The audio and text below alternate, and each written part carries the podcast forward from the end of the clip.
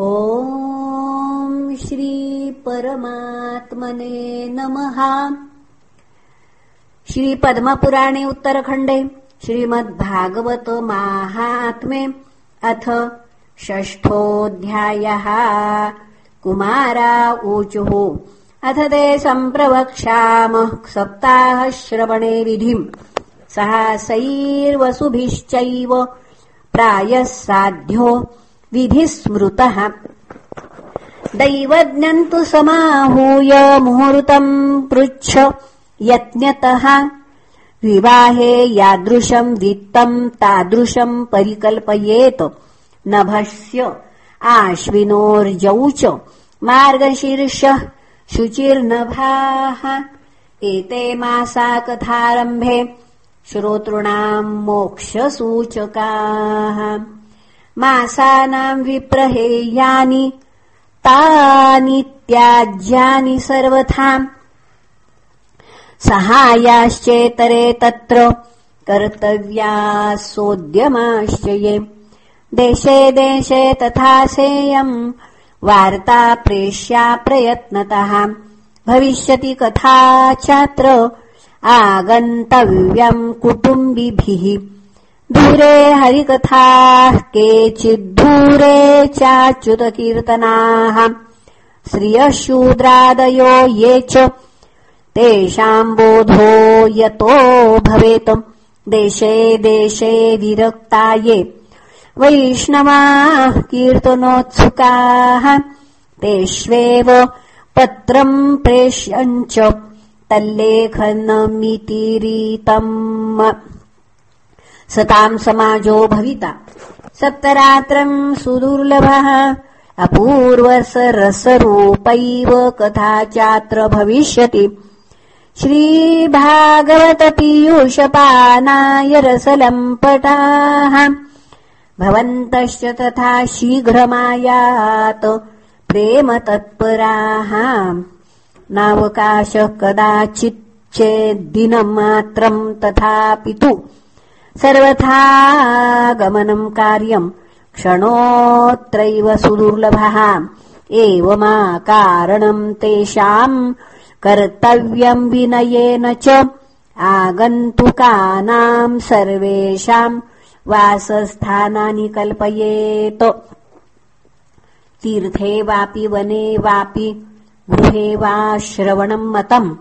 विशाला वसुधा यत्र कर्तव्यम् तत्कथास्थलम्। शोधनम् मार्जनम् भूमेर्लेपनम् धातुमण्डनम्। गृहोपस्कर मुद्धृत्य गृहकोणे निवेशयेत्। अर्वाक्पञ्चाहतो यत्नादास्तीर्णानि प्रमेलयेत्। कर्तव्यो मण्डपः प्रोच्चैकदलीखण्डमण्डितः फलपुष्पदलैर्विश्वग्वितानेन विराजितः। चतुर्दिक्षु ध्वजारोप बहुसम्पद्विराजितः। ऊर्ध्वम् सप्तैव लोकाश्च कल्पनीया सविस्तरम् तेषु विप्राविरक्ताश्च स्थापनीया। प्रबोध्य च पूर्वम् तेषामासनानि कर्तव्यानि यथोत्तरम्। वक्तुश्चापि तदा दिव्यमासनम् परिकल्पयेत्। उन्मुखो भवेद्वक्ता श्रोता वै प्राङ्मुखस्तदा प्राङ्मुखश्चेद्भवेद्वक्ता श्रोता चोदन्मुखस्तदा। अथवा पूर्वदिग्नेया पूज्यपूजकमध्यतः श्रोतॄणामागमे प्रोक्तादेशकालादिकोविदैः विरक्तो वैष्णवो विप्रो वेदशास्त्र विशुद्धिकृत् दृष्टान्तकुशलो धीरो वक्ता कार्योऽतिनिःस्पृहः अनेकधर्मविभ्रान्तास्त्रैणा पाखण्डवादिनः। शुकशास्त्रकथोच्चारे त्याज्यास्ते यदि पण्डिताः। वक्तुः पार्श्वे सहायार्थमन्यः स्थाप्यस्तथा विधुः। पण्डितः संशयच्छेत्ता लोकबोधनतत्परः। वक्त्रा क्षौरम् प्रकर्तव्यम् तिनादर्वाग्व्रताप्तये अरुणोदये सौ निर्वर्त्य शौचम् स्नानम् समाचरेत नित्यम् संक्षेपतः कृत्वा सन्ध्याद्यम् स्वम् प्रयत्नतः कथाविघ्नविघाताय गणनाथम् प्रपूजयेत्। पितॄन् सन्तर्प्य शुद्ध्यर्थम् प्रायश्चित्तम् समाचरेत् मण्डलम् च प्रकर्तव्यम् तत्र स्थाप्यो हरिस्तथा। कृष्णमुद्दिश्य मन्त्रेण चरेत्पूजाविधिम् क्रमात् प्रदक्षिणनमस्कारान्। पूजान्ते स्तुतिमाचरेत। संसारसागरे मग्नम् दीनम् मा करुणानिधे कर्ममो गृहीताङ्गम् मामुद्धर भवार्णवात् श्रीमद्भागवतस्यापि ततः पूजा प्रयत्नतः कर्तव्या विधिना प्रीत्याम् धूपदीपसमन्विताम् ततस्तु श्रीफलम् धृत्वा नमस्कारम् समाचरेत्। स्तुतिः प्रसन्नचित्तेन कर्तव्या केवलम् तदा श्रीमद्भागवताख्योऽयम् प्रत्यक्षः कृष्ण एव हि। स्वीकृतोऽसि मया नाथ मुक्त्यर्थम् भवसागरे। मनोरथो मदीयोऽयम् सफलः सर्वथा त्वया निर्विघ्नेनैव कर्तव्यो दासोऽहम् तव केशव। दासोऽहम् तव केशव। दासोऽहम् तव केशव। एवम् दीनवचः प्रोच्य वक्तारम् चाथ पूजयेत् सम्भूषवस्त्रभूषाभिपूजान्ते तम् च संस्तवेत् शुकरूपप्रबोधज्ञ सर्वशास्त्रविशारदो। एतत्कथाप्रकाशेन मदज्ञानम् विनाशय। तदग्रे नियमः पश्चात् कर्तव्यश्रेयसे मुदा। सप्तरात्रम् यथाशक्त्या धारणीयः। स एव हि वर्णम् पञ्चविप्राणाम् कथाभङ्गनिवृत्तये कर्तव्यम् तैर्हरेर्जाप्यम् द्वादशाक्षरविद्ययाम् ब्राह्मणान् वैष्णवांश्चान्यांस्तथा कीर्तनकारिणः नत्वा सम्पूज्य दत्ताज्ञ स्वयमासनमाविशेत् लोकवित्तधनागारपुत्रचिन्ताव्युदस्य च कथाचित्तः शुद्धमति स लभेत्फलमुत्तमम् आसूर्योदयमारभ्य सार्धत्रिपः प्रहरान्तकम् वाचनीया कथा सम्यक् धीरकण्ठम् सुधीमता। कथाविरामः कर्तव्यो मध्याह्ने घटिकाद्वयम्। तत्कथामनुकार्यम् वै कीर्तनम् वैष्णवैस्तदा मलमूत्रविजयार्थम् हि लघ्वाहारसुखावहः। हविष्यान्नेन कर्तव्यो ह्येकवारम् कथार्थिना। उपोष्य सप्तरात्रम् वै शक्तिश्रेयच्छृणुयात्तदा घृतपानम् पयःपानम् कृत्वा वै शृणुयात् सुखम् फलाहारेण वा भाव्यमेकभुक्तेन वा पुनः सुखसाध्यम् भवेद्यस्तु। कर्तव्यम् श्रवणाय तत्। भोजनम् तु वरम् मन्ये कथाश्रवणकारकम्। नोपवासो वरः प्रोक्त। कथाविघ्नः करो यदि।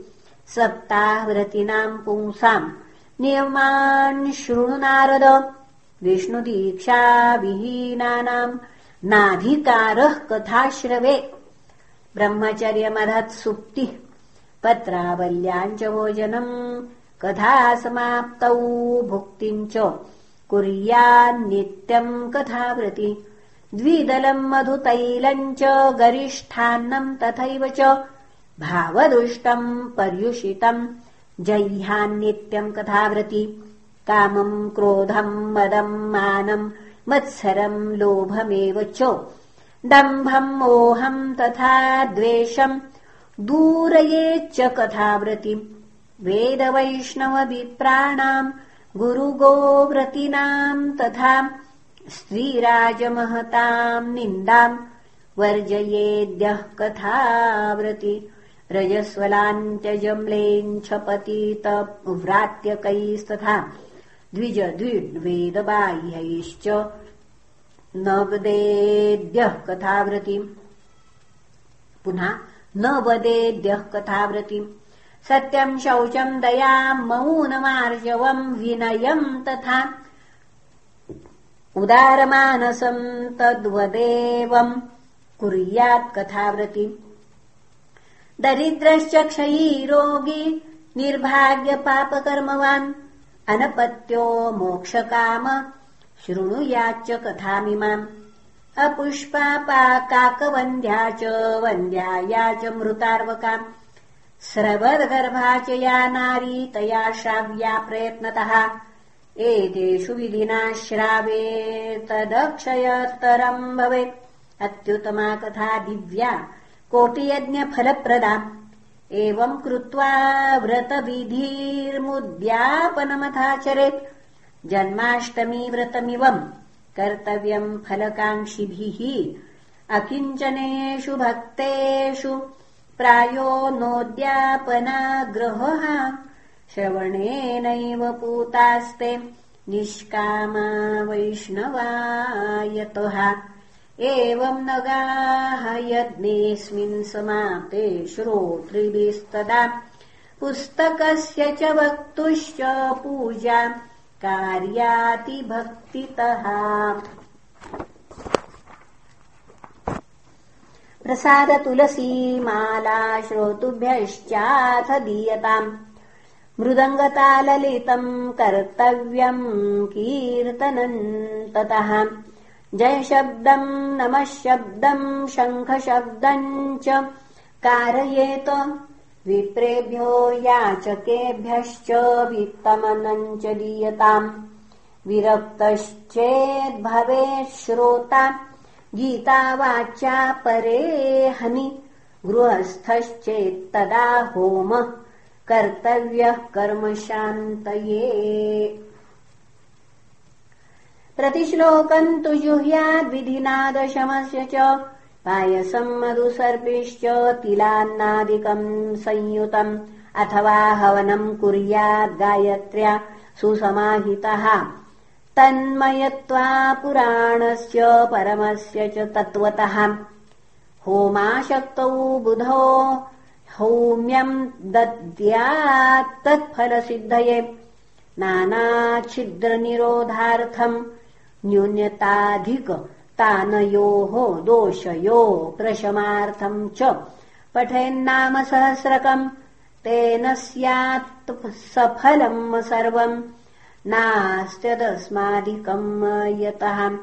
द्वादश ब्राह्मणान् पश्चाद्भोजयेन्मधुपायसैः दद्यात् सुवर्णम् धेनुम् च व्रतपूर्णत्वहेतवे शक्तौ पलत्रयमितम् स्वर्णम् सिंहम् विधाय च तत्रास्य पुस्तकम् स्थाप्यम् लिखितम् ललिताक्षरम् सम्पूज्यावाहनाद्यैस्तदुपचारैः सदक्षिणम् वस्त्रभूषणगन्धाद्यैः पूजिताय यतात्मने आचार्याय सुधीर्दत्त्वा मुक्तः स्याद्भवबन्धनैः एवम् कृते विधाने च सर्वपापनिवारणे। फलदम् स्यात् पुराणम् तु। श्रीमद्भागवतम् शुभम्। धर्मकामार्थमोक्षाणाम् साधनम् स्यान्न संशयः। कुमारा ऊचुः इति ते कथितम् सर्वम् किम् भूय श्रोतुमिच्छसि। श्रीमद्भागवतेनैव भुक्तिमुक्तिकरे स्थिते। सूत उवाच इत्युक्त्वा ते महात्मान प्रोचुर्भागवतीम् कथाम् सर्वपापहराम् पुण्याम् भुक्तिमुक्तिप्रदायिनीम् शृण्वताम् सर्वभूतानाम् सप्ताहम् नियतात्मनाम् यथा विधिततो देवम् तुष्टुः पुरुषोत्तमम्। तदन्ते ज्ञानवैराग्य भक्तीनाम् पुष्टतापराम् तारुण्यम् परमम् चाभूत् सर्वभूतमनोहरम्। नारदस्य कृतार्थो भूत्सिद्धे स्वीये मनोरथे पुलकीकृत सर्वाङ्ग परमानन्दसंवृतः एवम् कथा समाकर्ण्यो। नारदो भगवत्प्रियः। प्रेम गदगदया वाचा। तानुवाच कृताञ्जलिः। नारद उवाच धन्योऽस्म्यनुगृहीतोऽस्मि। भवद्भिः करुणापरैः अद्य मे भगवान् लब्धः। सर्वपापहरो हरिः।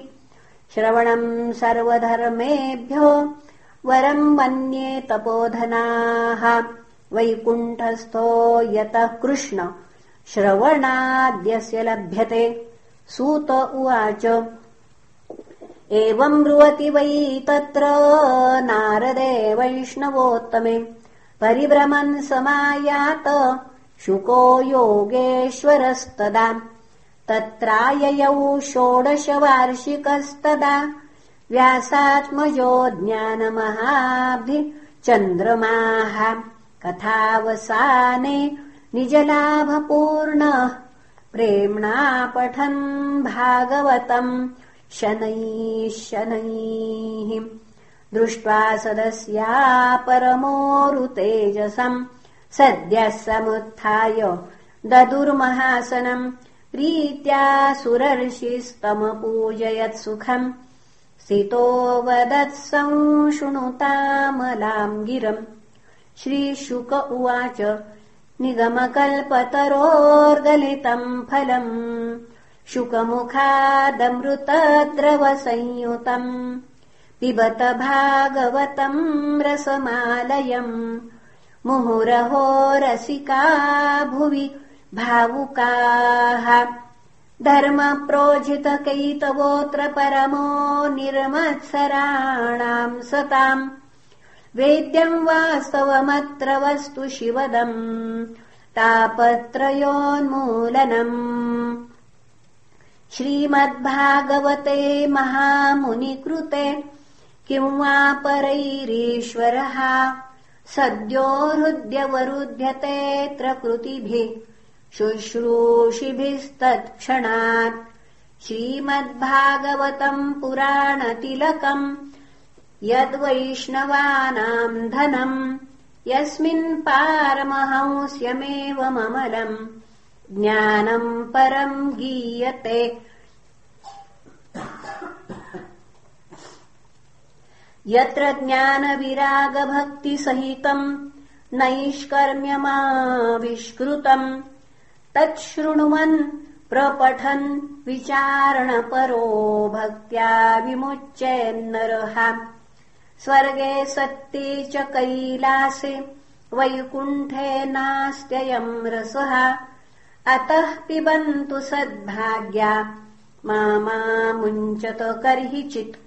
सूत उवाच एवम् ब्रुवाणे सति बादरायणौ मध्ये सभायाम् हरिराभिरासीत् प्रह्लादबल्युद्धव फाल्गुनादिभिर्वृतः सुरर्चिस्तमपूजयच्च तान् दृष्ट्वा प्रसन्नम् महदासने हरिम्। ते चक्रिरे कीर्तनमग्रतस्तदा। भवो भवान्या कमलासनस्तु तत्रागमत्कीर्तय दर्शनाय प्रह्लादस्तालधारी तरलगतितया चोद्धवः कंस्यधारी वीणाधारी सुरर्षि स्वरकुशलतया रागकर्तार्जुनोऽभूत्। इन्द्रो वादिन्मृदङ्गम् जय जय सुकराः कीर्तने ते कुमारा यत्राग्रे भाववक्ता सरसरचनया व्यासपुत्रो बभूव। ननर्तमध्ये त्रिकमेव तत्र भक्त्यादिकानाम् नटवत्सु तेजसाम्। अलौकिकम् कीर्तनमेतदीक्षम्।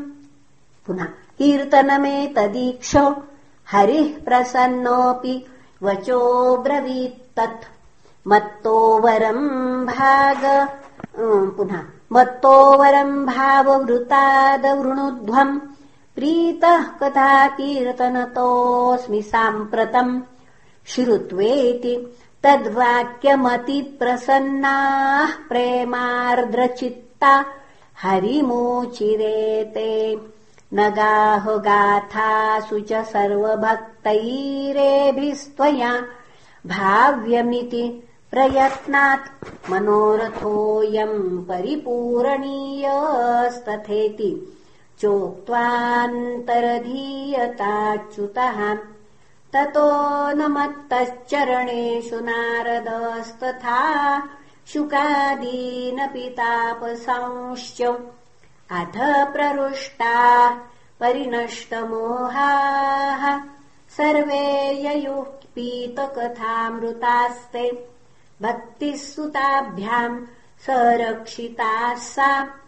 शास्त्रे स्वकीयेऽपि तदा शुकेन अतो हरिर्भागवतस्य सेवनाच्चित्तम् समायाति वैष्णवानाम् दारिद्र्यदुःखज्वरदायितानाम् मायापिशाची परमर्दितानाम् संसारसिन्धौ परिपातितानाम् क्षेमाय वै भागवतम् प्रगर्जति।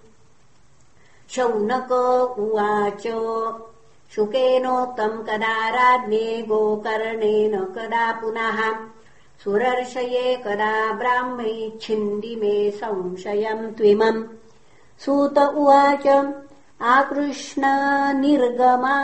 त्रिषद्वर्षाधिकगते कलौ। नवमीतो नभस्ये च तथारम्भम् शुको करोत्। परीक्षितश्रवणान्ते च कलौ वर्षशतद्वये। शुद्धे शुचौ नवम्याम् च धेनुज कथयत्कथाम् तस्मादपि कलौ प्राप्ते त्रिशद्वंश पुनः त्रिशद्वर्षगते सति। ऊचुरुर्जे सिते पक्षे नवम्याम् ब्रह्मणः सुताः इत्येतत्ते समाख्यातम् यत्पृष्ठोऽहम् त्वया नघो कलौ भागवती वार्ता भवरोगविनाशिनी। कृष्णप्रियम् सकलकल्मषनाशनम् च मुक्त्यैकहेतुमिह भक्तिविलासकारि सन्तः कथानकमितम् पुनः सन्तः कथानकमिदम्। पिबतादरेण लोके हि तीर्थपरिशीलन सेवया किम्। स्वपुरुषमपि वीक्ष पाशहस्तम् वदति यमः किल तस्य कर्णमूले परिहर भगवत्कथासु मत्तान् प्रभुरमहन्यनृणान्न वैष्णवानाम् असारे संसारे विषयविषसङ्गाकुलधिय क्षणार्धम् क्षेमार्थम् पिबत शुकगाथातुलसुधाम् किमर्थम् व्यर्थम् भो व्रजथ कुपथे कुत्सितकथे परीक्षीत्साक्षी यच्छ्रवणगत मुक्त्युक्तिकथने रसप्रवाहसंस्थेन श्रीशुकेनेरिता कथा कण्ठे सम्बध्यते येन स वैकुण्ठप्रभुर्भवेत् इति च परमगृह्यम् सर्वसिद्धान्तसिद्धम् सपति निगदितन्ते शास्त्रपुञ्जम् विलोक्य जगति सुखकथातो निर्मलम् नासि किञ्चित्। पिब परसुखहेतोर्द्वादश स्कन्दसारम् एताम् यो नियततया शृणोति भक्त्या। यश्चैनाम् कथयति शुद्धवैष्णवाग्रे। तौ सम्यग्विधिकरणात् फलम् लभेते। याथार्थान्न हि भुवने किमप्यसाध्यम् इति श्रीपद्मपुराणे उत्तरखण्डे श्रीमद्भागवतमाहात्म्ये श्रवणविधिकथनम् नाम षष्ठोऽध्यायः। समाप्तमिदम् श्रीमद्भागवतमाहात्म्यम् हरिः ओम् तत्सत्। श्रीकृष्णार्पणमस्तु। हरये नमः हरये नमः हरये नमः